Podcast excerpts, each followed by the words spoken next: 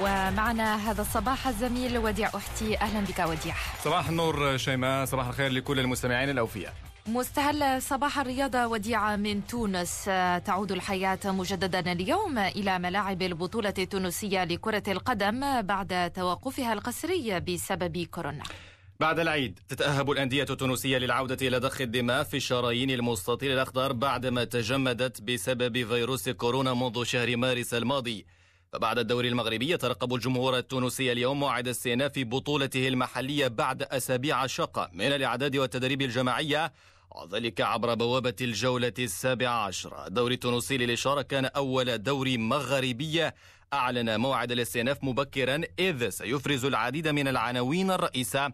على رأسها عزم المتصدر وحمل اللقب الترجي الرياضي على مواصلة حصد الأخضر واليابس في مشوار انتزاع اللقب للمرة الرابعة تواليا والثلاثين في تاريخه. وفي أبرز مباريات هذا اليوم لحساب الجولة السابعة عشرة الترجي يستقبل مستقبل سليمان شبيبة القيروان يلاقي النجم الساحلي النادي البنزرتي يواجه اتحاد بنجردان فيما ستتنافس للإشارة بقية الأندية على المراكز المؤهلة للمسابقات القارية. أما الصراع فسيشتعل بين فوروق أسفل الترتيب على البقاء ضمن دور الأضواء الذي لم يتبقى من عمره سوى عشر جولات. تفاصيل أوفى عن عودة الحياة إلى الملاعب التونسية مع مراسل القسم الرياضي لميدي أنف من العاصمة تونس. عبد السلام ضيف الله. العودة ستكون على مرحلتين يومي غرة أوت والثاني منه. الترجي المتصدر بأربعة وأربعين نقطة وبفارق عشر نقاط عن ملاحقه النادي السواقسي يستقبل نادي سليمان من وسط الترتيب. الترجي مطالب بتكذيب كل الملاحظات السلبية التي رافقت أداء الفريق خلال المباريات الودية التحضيرية وفي برنامج استئناف البطولة التونسية لقاء مثير منتظر بين النادي البنزرتي الذي أقال مدربه سفيان الحدوسي قبل ثلاثة أيام من استئناف البطولة يواجه فريق اتحاد بنجردان الذي غير بدوره مدربه قبل خمسة أيام من العودة حيث تعاقد مع رمزي جرمود بعد استقالة المدرب نضال الخياري. وفي برنامج العودة للبطولة التونسية درب الوسط بين شبيبة القيروان والنجم الساحلي الذي ينتظر عودة المدرب الفرنسي روجي لومير. ويوم الأحد الثاني من أوت تتواصل جولة استئناف البطولة التونسية بلقاءات تضم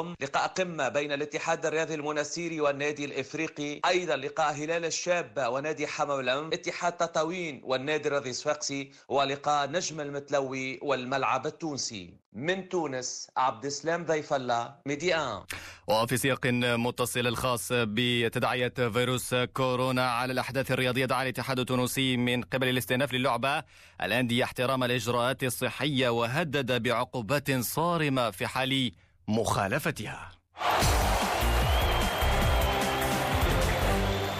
مستهل صفحتنا الأوروبية مستمعينا الأوفياء في هذا الصباح من فرنسا حيث توج باريس سان جيرمان بلقب كأس الرابطة الفرنسية لكرة القدم بعد تفوق أمس على ليون بركلة ترجيح ستة أهداف لخمسة في المباراة التي جرت بالعاصمة باريس وانتهت بالتعادل سلبيين في الوقتين الأصلي والإضافي. وبهذا الفوز أضاف النادي الباريزي لقب كأس الرابطة الفرنسية إلى لقبي الدوري والكأس المحليين اللذين أحرزهما هذا الموسم.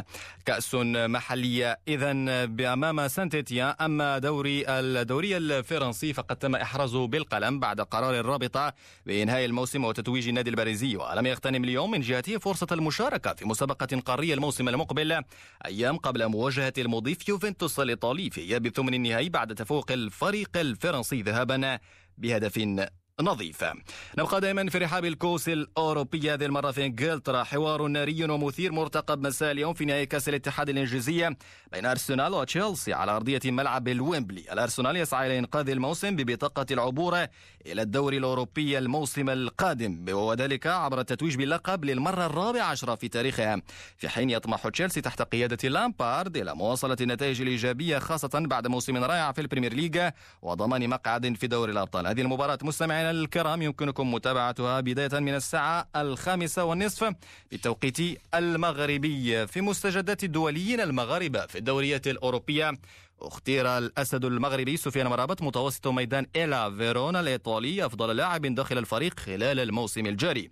وذلك في أعقاب العروض المبهرة التي بصم عليها بقميص ناديه في الدوري الإيطالي وذلك في أول تجربة له في الكالتشيو. أجرى أمرابط 33 مقابلة هذا الموسم في السيري آ مسجلا هدفا واحدا لكن مسهما في احتلال فريقه للمركز التاسع. هذا وسيلتحق سفيان أمرابط شقيق نوردين أمرابط إلى صفوف فيورنتينا بداية من الموسم القادم.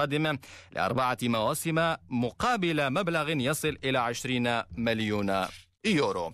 نختم جولتنا الرياضية الصباحية برياضة الجولف ومنافسات بطولة WGC FedEx ضمن سلسلة ال PGA Tour حيث حسم أمس الأمريكي بريندن تود الجولة الثانية في الصدارة ب 11 ضربة تحت ال par بفضل تحقيقه ال birdie خمس مرات متفوقا بفارق أربع ضربات على مواطنه بروكس كويبكا حامل اللقب الذي اكتفى بالصف الثالث للإشارة المنافسات تتواصل اليوم لحساب الجولة ما قبل الأخيرة.